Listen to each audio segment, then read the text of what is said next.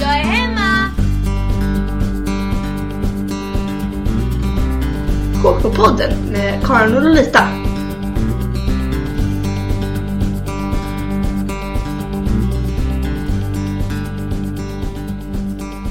Ja, men då är jag och Karin på um, Altos i Uppsala för att eh, prata med Malin, eh, HK-lärare. Temat för det här avsnittet är eh, att återvända till HK-yrket.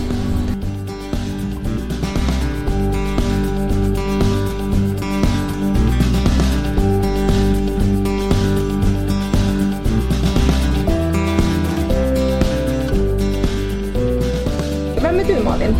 Ja, hej Malin Albrektsson heter jag jag är utbildad HK-lärare. Eh, blev klar 2003. Jobbade inom kommunal skola till 2013. Då la skolan ner och därav så fick jag en tankeställare om vad jag skulle göra och eh, träffade då en gammal kursare. Och vi pratade och då blev det så att jag blev egenföretagare och har nu jobbat inom catering och restaurang i fem år. Men sen blivit lite sugen på att komma tillbaka till läraryrket och har gjort det nu i två omgångar. Men nu är det tillbaka på heltid. Just det. Och vilken skola jobbar du på nu då? Nu jobbar jag på Kunskapsskolan Norra. Ja, okej. Mm. Just det. Och vilka årskurser är, är det då som du Det är en högstadieskola, 7 till 9, men jag undervisar årskurs 7. Årskurs sju? Bara? Bara. Okej. Mm. Vad tycker du liksom har varit den största utmaningen nu med att komma tillbaka och jobba som HK-lärare? Eh, ja, det är den digitala biten. eh, jag kan känna att jag har haft väldigt så här traditionell undervisning och eh, ja, men just kommunikationssättet tidigare. Mm. Medan nu så går allt via datorerna. Det går via liksom IT. Att jag gör en planering tillsammans med min kollega, för jag har en kollega som undervisar två eh, lektionspass också i veckan. Så då kan vi sitta och så planerar vi och så sen så lägger man ut den planeringen Eh, på måndag morgon så går det ut till alla klasserna som ska ha HK och så ser de precis hur planeringen ser ut och så länkar vi där, länkar man Youtube-klipp om man vill ha det, vilka recept man använder sig utav. Eh, vi håller på med näringslära just nu och då gör man som en presentation utav det viktigaste som vi vill ha med. Och då skriver man upp vilka lärandemål är det vi jobbar med nu, vilka begrepp är det som vi tar upp som ni ska kunna. Och sen då så kan eleverna lätt gå tillbaka. Missar man någonting så kan man kolla och så kan man ta ikapp. Ja. Och då finns det, det är någon särskild programvara eller något pro- som lärplattform eller någonting som skolan använder? Ja, Ja, ja. som alla... alla har Ja. sina Chromebooks Ja. som man liksom kommunicerar via dem. Så det var en sån här anekdot då, för jag har ju inte jobbat så länge utan jag har jobbat en månad lite drygt och då så blev det så otroligt diff i undervisningen. Jag hade ju samma upplägg men det blev ändå så här 45 minuters skillnad. Så en grupp var klar och så var det 45 minuter kvar så jag bara, nej men oj nu måste jag ju göra något åt det här. Så jag sprang upp på lärarrummet, kopierade instuderingsfrågor eh, till kolhydrater. Och så kom jag ner med dem kopierat och de bara, men vi har inga pennor.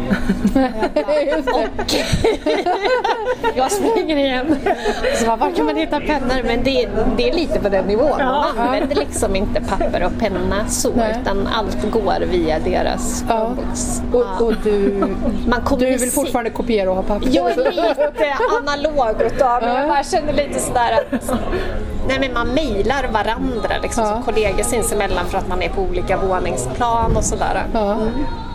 Så det, den biten Ja. är väldigt ny för mig och då känns det som att jag ändå är trygg i att jag har undervisat tidigare. Så den tryggheten kan jag känna att den är ganska skön att ha. Ja. Ja. Att stå i klassrummet och undervisa, det känns tryggt. Ja. Men det är väl bra ändå för då kommer ju den här nya biten, då är det bara en grej. Ja, men precis. Och hade du inte haft din trygghet då hade det ju varit jättejobbigt med 45 Ja. minuter men nu kunde ju du hitta en lösning Ja, men precis. i alla fall. Ja. Det var inte det som liksom, aj nu kraschar det. Nej, men precis. Nej. Fast det där är ju viktigt tänker jag oavsett om det handlar om digitalisering eller vad som helst att man har beredskapen för plan B. Jo, Alltså vad men händer? det känner jag att det har lite med erfarenhet att Ja. göra. Ja. Att man kan hitta de lösningarna på något sätt. Ja. Ja, tror det. Vad skulle du säga, liksom, eh, nu har du inte jobbat så länge så nu kanske du får mycket svåra frågor men vad skulle du säga liksom är den största fördelen med att ha varit ifrån då, fältet ett tag? Ja, men det som gör att jag återvänder är ju att jag tycker att det är så roligt och jag tänker bara i nyhetsflödet idag att jag tänker i HK-termer. Men det här kan man ta upp på HK. ja. Att det är ju så otroligt brett ämne. Och Ja men som sagt, jag har barn som tittar på Lilla Aktuellt och det, jag tittar på Mästerkocken och man bara känner det är så otroligt mycket som man kan knyta an till HK-ämnet. Ja. Och det är det som gör, tror jag, att jag vill tillbaka. Just att det bara så här kryper lite, att ja, men det här kan man ta med, det här. Men alltså det är ju verkligen ett ämne i tiden. Ja, ja, det är det. på Det så känns ju, många och det har det ju i och för sig alltid varit Ja. men det känns som mer än någonsin Ja. nu med de utmaningar vi står inför Ja. så känns det ju som är det något ämne som verkligen borde skjutsas fram nu så Ja. är det ju OK. Jo men precis. Eh, ja. Och just att man kan då så otroligt mycket i tiden, här och nu, Ja. som man kan Ja. ta upp på undervisningen. Eh, ja, det känns jättespännande. Och det är det som blir lite motorn i det hela. Mm. Kul att höra. Jättekul.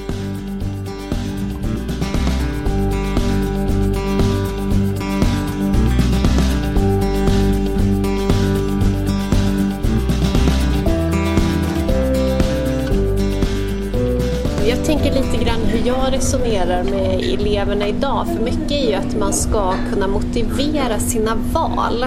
Och då tänker jag att när man ska motivera sina val så ska man ju göra det gentemot sig själv. Att jag säger många gånger att säg inte det ni förväntas och tro att jag gillar och tycker om att ni tänker rätt utan att de kan motivera, jag tänker utifrån vilket val av vara de gör utifrån den ekonomin de har idag just som, som elev. Eh, för jag tycker ändå att man ska utgå ifrån eleven i den ålder och den tillgång den har idag. Och då kanske inte valet blir att man går och köper ekologisk paprika utan det de går och köper det kanske är eh, en frukt eller en chokladkaka. Men vilket val gör man då? Gör man då den som är billigast eller tar man det som eh, har, ja men är det en kravmärkt banan? Men att man ska kunna motivera det och då kunna veta vad är valen. Så de vet vilka val man som konsument har. Men det är svårt, för jag tänker idag allmänt så har vi vi har så otroligt många val. Och därför måste man då vara medveten om vilka val man gör men sen också varför just jag gör det här valet och kunna motivera det som sagt utifrån sig själv. Ehm, det låter ju jättediffust. Nej, men det, det är ju så. Det handlar ju också i slutändan också på något sätt kunna resonera om konsekvenserna av det Ja, ena eller ja. andra. Men de konsekvenserna kan ju både handla om konsekvenser för mig och min ekonomi. Ja. Men de kan ju lika väl handla om samhället och naturen och ja, Precis, och det är ju där man värderar och just att vi känner jag i, i undervisningen pratar mycket om vad finns det för alternativ för att tydliggöra det för elever. För det tänker jag också att det ser också otroligt olika ut hemma hur man pratar om sånt. Vissa nämner inte det överhuvudtaget utan det är det bara på ett sätt. Medan man i skolan har möjlighet att lägga fram det här smörgåsbordet och resonera runt de olika men jag som lärare kan inte göra valet åt dem. Nej. Utan det måste de kunna göra själva och motivera. Och där Det finns får inte inget jag... facit där. Nej, och där får inte jag vara den här dömande. Utan där kan jag bara säga, okej nu eh, prioriterar du eh, priset. Men om du skulle tänka ut det från en hälsoaspekt eller en eh, miljöaspekt, hur skulle du tänka då? Och det är det här jag hoppas att man kan väva ihop så att oavsett vad man jobbar med så får man tänka utifrån olika perspektiv men man kan motivera det. Och det gör att man blir en medveten konsument i slutändan.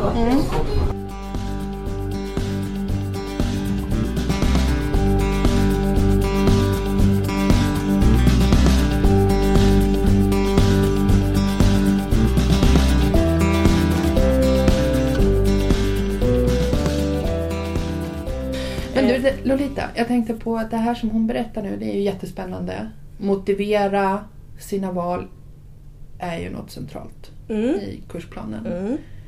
Och jag tycker att hon, det här med att hon, hon har en, en, en väldigt intressant poäng där med, ons- med att hon eh, vill få det till elevens liv här och nu.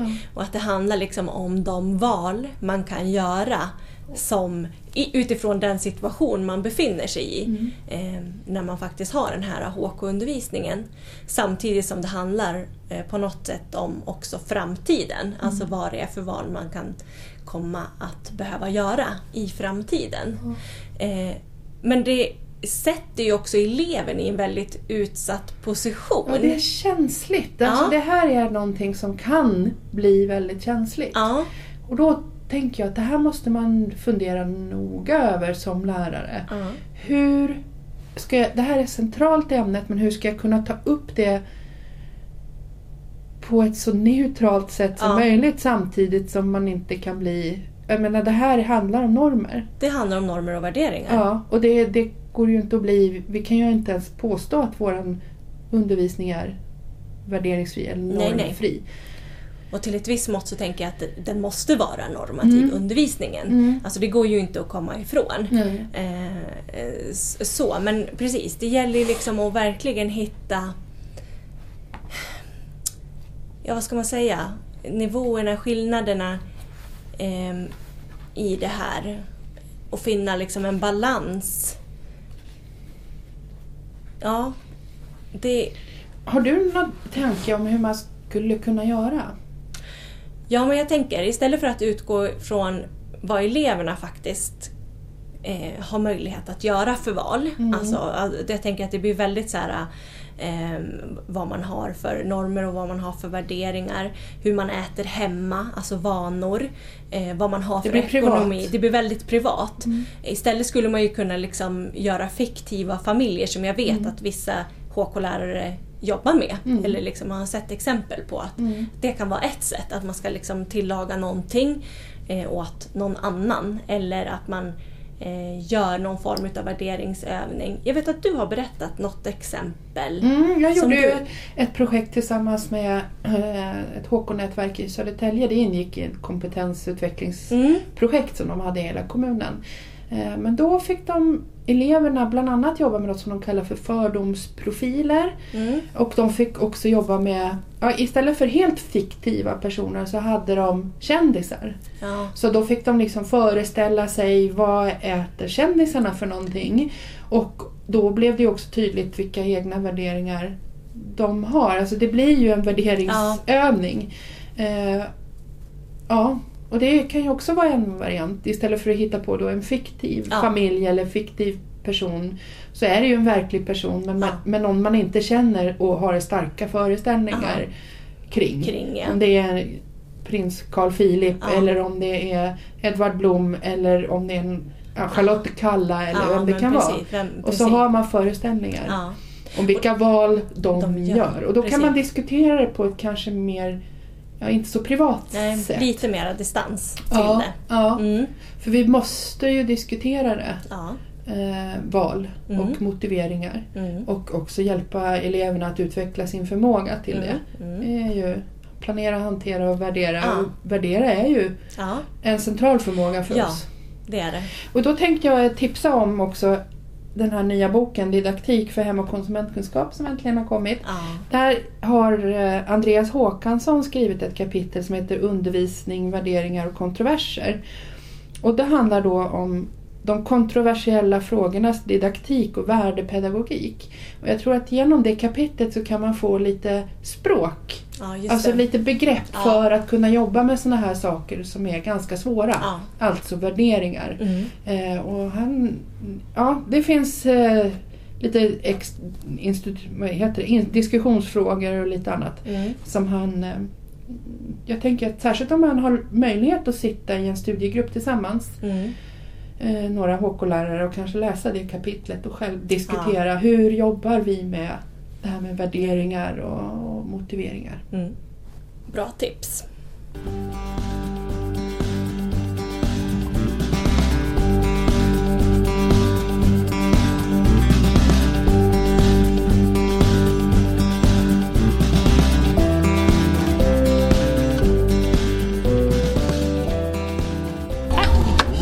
Festligt det där såg ut. På höjden till och med. Ja men verkligen, vad läckert. Ja, det var det verkligen. Ja det var det. Fräscht och läckert. Ja. Tjusigt. Mycket. Mm. Men vi fortsätter väl att prata medan vi äter lite Ja, eller? det, om det går bra. Ja. Du får se till att hinna äta lite. Ja, tack. Du Nej, för det är så otroligt många eh, aspekter. Och jag tänker när jag ska få in det här i min undervisning, nu har ju jag bara jobbat med, med ett temaområde, men att det blir på något sätt att man får av, avgränsa men samtidigt få med så mycket som möjligt. Och då blir det att, ja, men, de här hälsa, ekonomi och miljö, de är ju de här övergripande hela tiden men att man kanske då dyker in mer djupgående i, utifrån olika temaområden såklart. Det är nog för att jag känner att man blir lite stressad och vill få med så mycket som möjligt. Ja. Och hur får man det på den här korta tiden? Som det. Nej, det är ju nä, nästan en omöjlig ekvation. Med verkligheten som jag kan känna nu utifrån den här månaden jag har undervisat så, så blir det ju mycket fokus på val utav varor och alternativ. Ja, men när vi jobbar med protein till exempel, vad finns det för alternativ att använda protein idag? Det kostar jättemycket att få den här köttbiten på tallriken. Därför att, och så berättar man om den processen. Vad blir det för alternativ som vi pratar om då? Ja, då fick jag dem göra falafel istället på kikärtor. Eh, och så pratar man om det. Och så sen, hur kommer det se ut i framtiden? Kommer vi ha insektsmjöl som vi gör pannkaka på? Nej, det, åh, det tycker de är jätteäckligt. Bara, ja, fast det där är ju också så kulturellt betonat att när vi äter räkor och kräftor så tycker andra att men det är jätteäckligt. Eh, Så då får man, man får ju in så otroligt mycket även om man inte ägnar en hel lektion, för det kan man nästan inte göra, men att man alltid nämner någon liten bit i, i a- alla ämnen så kommer man in på de här olika delarna.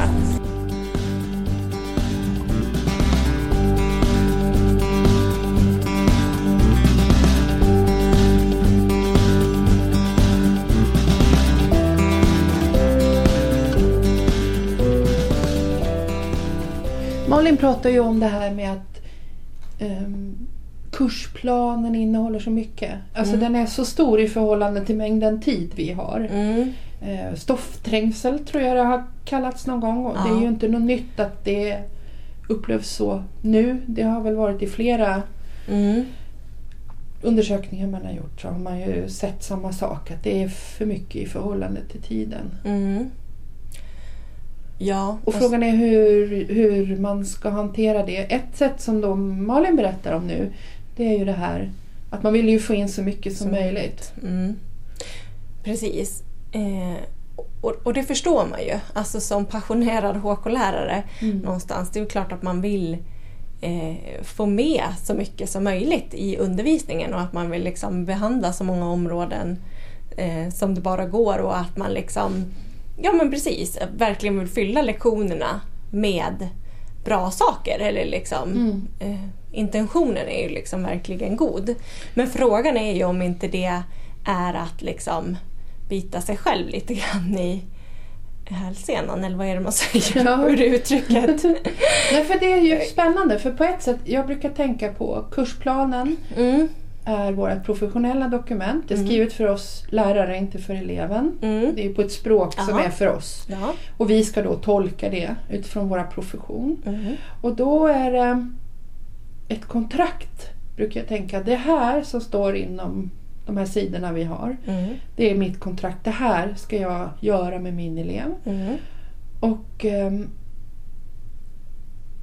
de har ju också rätt att möta. Allt det som står i det centrala innehållet ska eleven få möta i undervisningen mm, under de här nio åren. Eller 118 timmarna. ja, Och då blir det ju en utmaning. Hur ska jag? ja, Och jag tror att ett problem kan vara om man tänker, nu säger inte jag att Malin tänker så, nej, men om man tänker så att, att det finns ju tre underrubriker mm, och att man tänker att de är som tre teman man kan jobba med. mm, Och så tror jag inte det är tänkt utan jag tror det är tänkt så att man ska kombinera ihop mm, från de här tre olika kunskapsområdena så att man inte har dem separerade.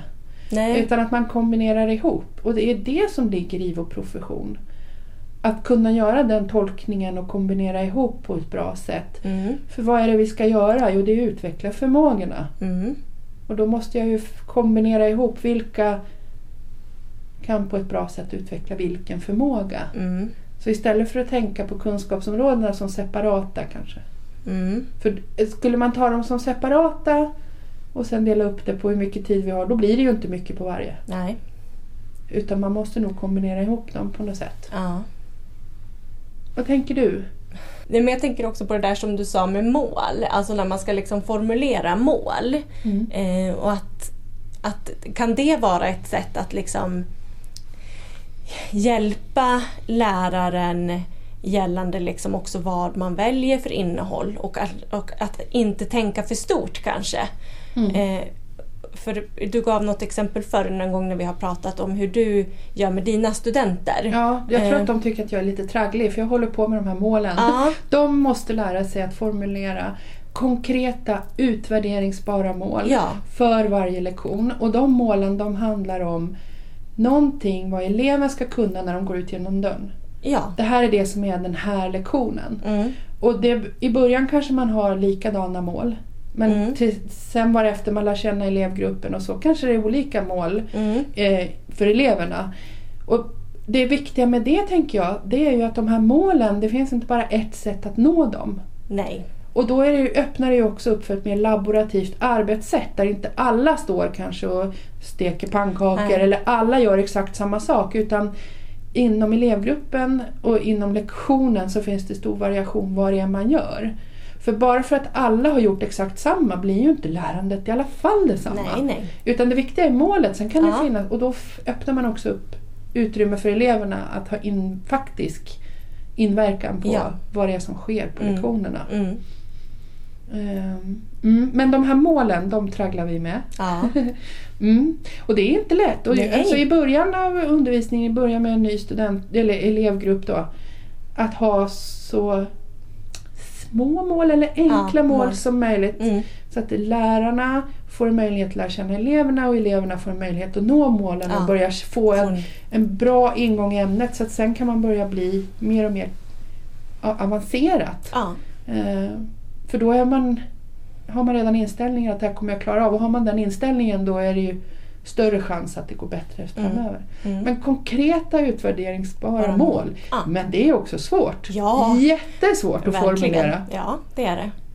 Och vad jag märker är också svårt att skilja på vad är ett syfte och Det vad är ett mål. ja. Mm. Och det håller vi också på att traggla. Ja. ja.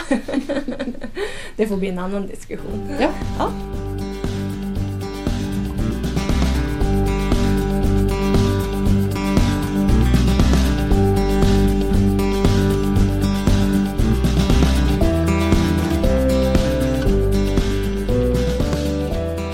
Hur eh, ser ditt drömklassrum ut? Oj, oj, oj. Ja. du får spåna helt fritt. Ja. Ja. Nu blir jag ju såklart inspirerad av det här ute men jag tänker just att då är nog jag ändå ganska låst vid just det här rummet. Men jag tänker just, och det är ju inget hållbarhetstänk, men jag tänker just det här, vi har ju ändå något moment där de får själva skapa något utifrån det skafferierna och eh, kylskåp och frys erbjuder. Och det kan jag ändå att eh, låta eleverna få den här kreativa sidan. Vissa kan inte ta åt sig den alls. De blir jätte, jättehämmade och känner bara att det är jättejobbigt och inte har den här tydliga receptgången att gå efter. Medan andra verkligen kan ju blomma ut då. Eh, och då är det klart att då skulle man ju vilja ha det här dignande så att de verkligen fick välja och inte det här lite skrala som man själv, det är ju lite så här kylskåpsrens som man själv använder det där till. Men det är ju kul att få se vad de gör utav det. Och det måste jag säga att nästan den roligaste lektionen jag har haft det är just att då har vi gjort köttfärssås av ja, men dubbla receptet och så fick de spara då som att det skulle vara hemma och att man fick en rest. Och så skulle de laga någonting nytt utav det. Just det. Och hur olika det blev. Att det är så ofta som man kan tänka att ja men då gör alla lasagne eller då gör alla taco utav det. Men det blev så himla kul. Det blev så olika. Det var dumplings och det var shepherd's pie och det var, ja de var så himla duktiga. Och så var det någon som skulle göra hamburgare på köttfärssås. Och så blev man ja men hur gör man då? Ja. Att de verk- men just utmana den här kreativa sidan tycker jag är rolig. Om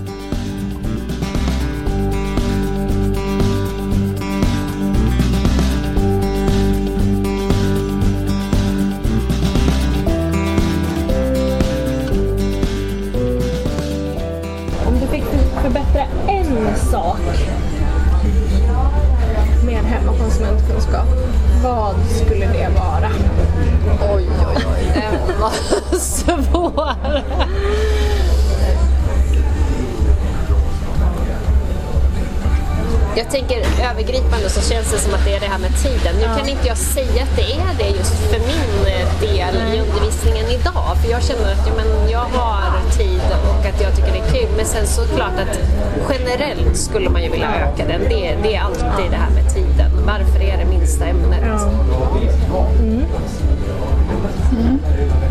det, det är den här ständiga, det känner jag, det har det varit sedan man utbildningen till idag när man är ute i den verkliga världen. Eh, Men är inte det lite för att man har det som hjärtefråga, att man känner att varför känner inte alla det? Men det här är så grundläggande för livet. man får alla bitarna. Varför fattar inte någon Nej, annan jag det? förstår inte. Måste man vara HK-lärare för att förstå det? Det är så. Ja. Ja,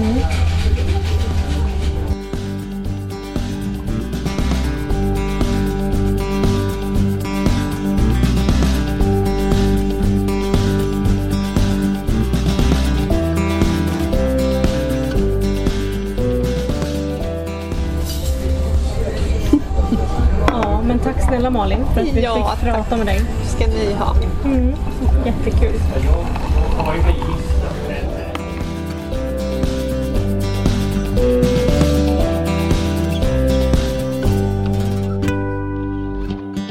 Du har lyssnat på HK-podden. Gå gärna in på hemsidan hkrummet.se